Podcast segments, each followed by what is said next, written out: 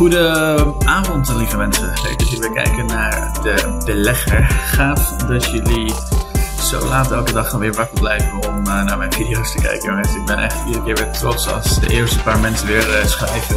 First, second, third, enzovoorts. Uh, dat is heel fijn, heel fijn om te zien. En voor de mensen die het de volgende dag kijken, zorg wel even dat je een like en een comment achterlaat. Daarmee support je namelijk dit soort onafhankelijke, belangrijke en interessante content. Al zeg ik het zelf. uh, nee joh.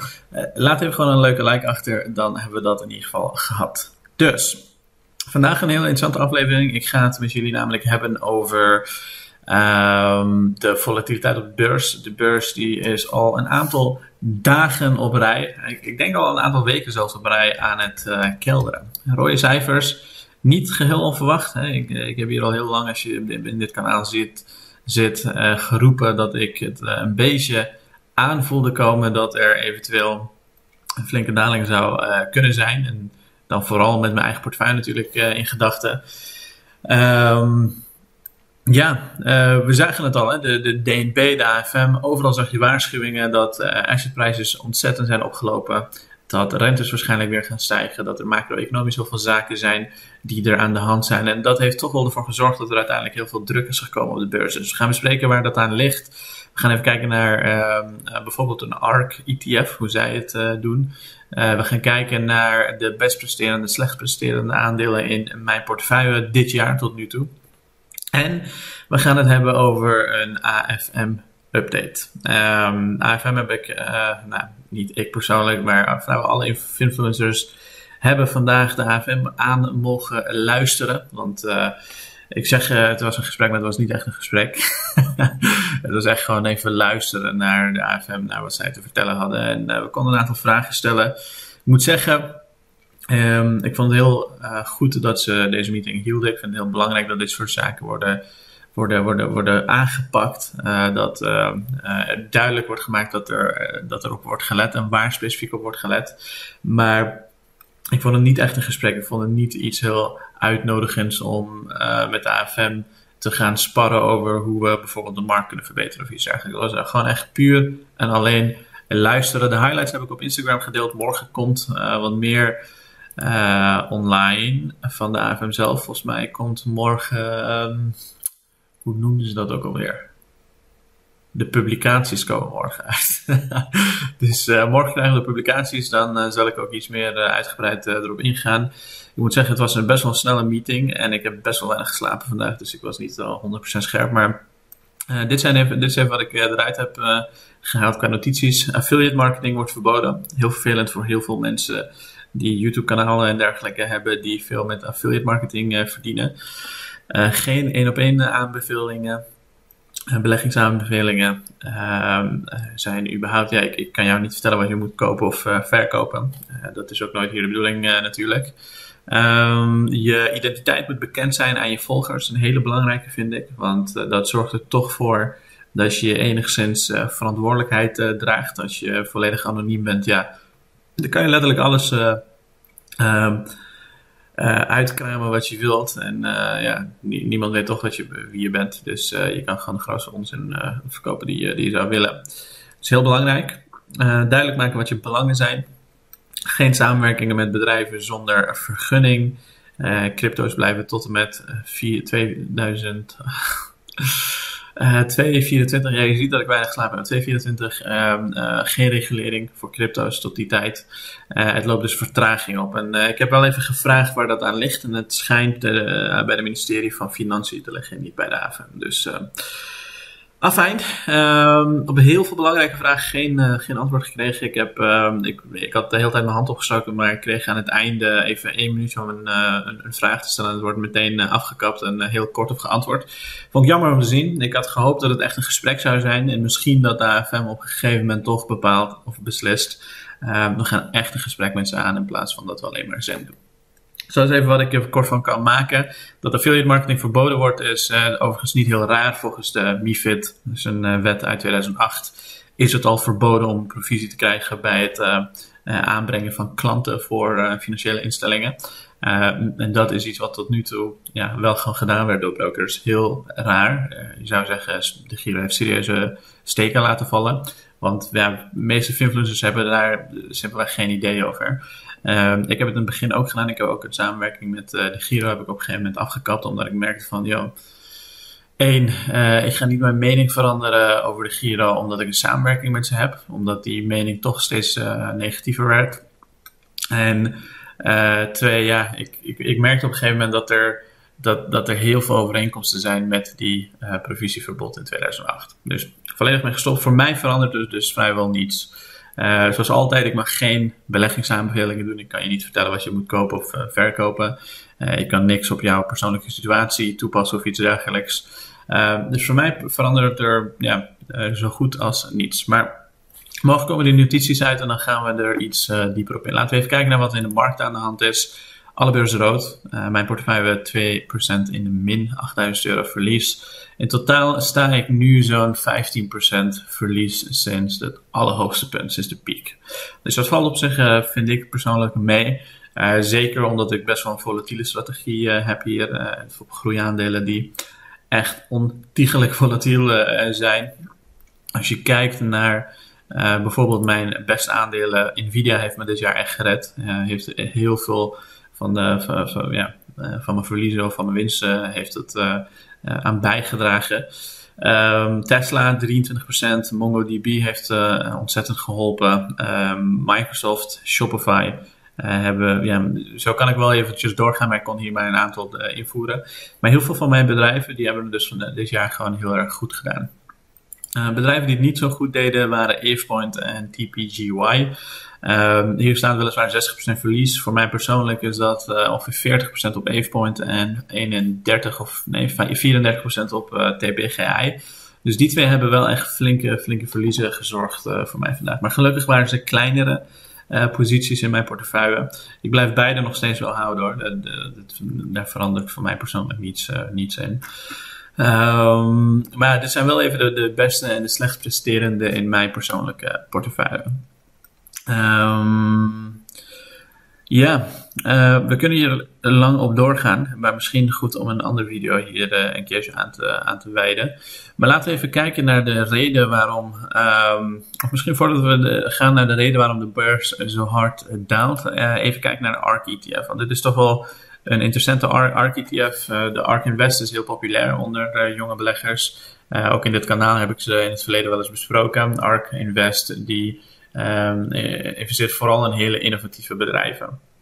Uh, maar ook in bijvoorbeeld genomic, waarbij ze verwachten dat door uh, vooral een stukje innovatie en kostenreductie er over loop van tijd heen in bepaalde sectoren en bepaalde bedrijven zoveel kostenreductie kan uh, plaatsvinden dat het deflatoir werkt en dus prijzen omlaag gaan. En doordat prijzen omlaag gaan, bereikt het een massamarkt en um, zou het exponentieel moeten groeien.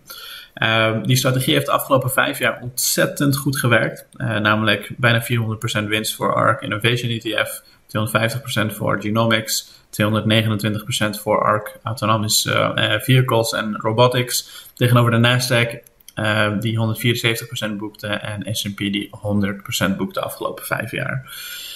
Um, ja, als we kijken naar dit jaar is het toch een heel ander verhaal. Al die verschillende ETF's staan in uh, flink rood. Uh, hun strategie komt ontzettend onder druk dit jaar. Vooral door de stijgende rentes natuurlijk.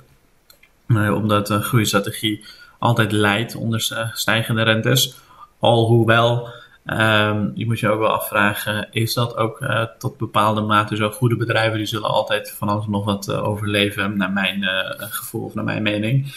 Um, en Katie Wood die reageert daar dus ook op. Katie Wood die zegt namelijk, uh, als je aan de juiste kant van geschiedenis wil staan, dan uh, moet je echt lang te gaan kijken. Want uh, onze ETF's, onze strategieën zijn volatiel. En dat komt overeen met wat ik ook in het begin zei over mijn persoonlijke por portefeuille. maar geloof me, ik heb het niet gecheat van ARK Invest. ik, ik heb gewoon een volatiele strategie. ik zit in groeiaandelen met een vrij hoge beta, vrij hoge uh, risico. En datzelfde geldt voor, uh, voor ARK, uh, ARK Invest. Zij zitten niet in precies dezelfde aandelen als ik. Volgens mij komen twee aandelen, ja, twee aandelen overeen met elkaar. Namelijk, nee, drie aandelen. Namelijk um, een hele recente aankoop die ik even niet ga noemen. maar voor de rest, ja, alleen Tesla en Shopify, geloof ik. Maar volgens mij bezitten ze Shopify niet eens meer. Dus um, ik heb niet heel veel dezelfde aandelen als Ark, uh, Ark Invest. Maar ik vind het wel interessant wat zij doen. Ik volg het wel graag, uh, namelijk. Um, ik, ja, ik, ik, ben het over heel veel dingen niet met ze, met ze ook eens. Maar het feit dat we beide een uh, volatiele strategie hebben die echt voor de lange termijn is en dat op korte termijn allerlei fluctuaties kunnen voorkomen, of, ja, voor heel veel fluctuatie kunnen zorgen, is gewoon een feit. Um, mijn portefeuille staat echter niet zo in de min als die, uh, als die van uh, Ark Invest. Sterker nog, ik sta dit jaar bijna 40. Uh, nee. De 40% stond ik de afgelopen drie maanden in de winst. Ik geloof dat ik bijna 70% in de winst sta dit jaar. Dus echt ongelooflijk, ongelooflijk hard gegaan. Um, maar over het algemeen, ja, uh, Ark Invest die zegt dus eigenlijk, wij beleggen voor de lange termijn. We kijken naar een periode van vijf jaar, niet naar de korte termijn. En ja, er zijn gewoon heel veel dingen die op dit moment voor ons niet juist gaan, vooral op macro-economisch niveau. Maar op de lange termijn denkt ARK ETF in de juiste, aan de juiste kant van geschiedenis te zitten. En dat moet nog maar blijken. We moeten nog maar zien of dat ook daadwerkelijk zo is. Bij het beleggen weet je natuurlijk nooit wat de toekomst gaat brengen. Je weet in ieder geval waar je nu in zit. En uh, Ark Invest zit gewoon in heel veel groeibedrijven die geen winsten maken. En waarvoor de verwachte winsten uh, en omzetten ver en ver in de toekomst zitten. En de reden voor vandaag's daling is dat Biden's Build Back Better plan voorlopig de nek wordt omgedraaid, zoals de NOS het uh, heel mooi schetst. Um, een democraat, dus iemand die in de partij van uh, Joe Biden zelf zit, namelijk Joe Manchin. Ik weet niet precies hoe hij zijn naam uitspreekt, ik denk Manchin. Um, die heeft heel veel onderhandeld met uh, Joe Biden. Hij heeft blijkbaar Joe Biden ook daadwerkelijk beloofd dat hij uh, uh, akkoord gaat. En uiteindelijk toch onderaan de streep um, zichzelf ja, heeft, heeft gezegd dat hij niet zou kunnen verklaren aan zijn hometown, laat ik het zo zeggen, aan West Virginia. En hij zei: Als ik het niet kan uitleggen aan de mensen thuis, dan ga ik er ook niet mee akkoord. En hij zegt: Een steunpakket, een investeringspakket van 2 biljoen, oftewel 2000 miljard. Dat vind ik zo belachelijk veel dat ik denk dat het heel inflatoir kan werken. En heel veel inflatie kan veroorzaken. Dat is niet iets wat ik in West Virginia kan gaan vertellen van hé, hey, ik ben akkoord gegaan in een tijd waarin Amerikanen 6, 7% inflatie zitten. Uh, met een uh, investeringsmaatregel van 2000 miljard. En dat zorgt ervoor dat de markten weer gaan inprijzen.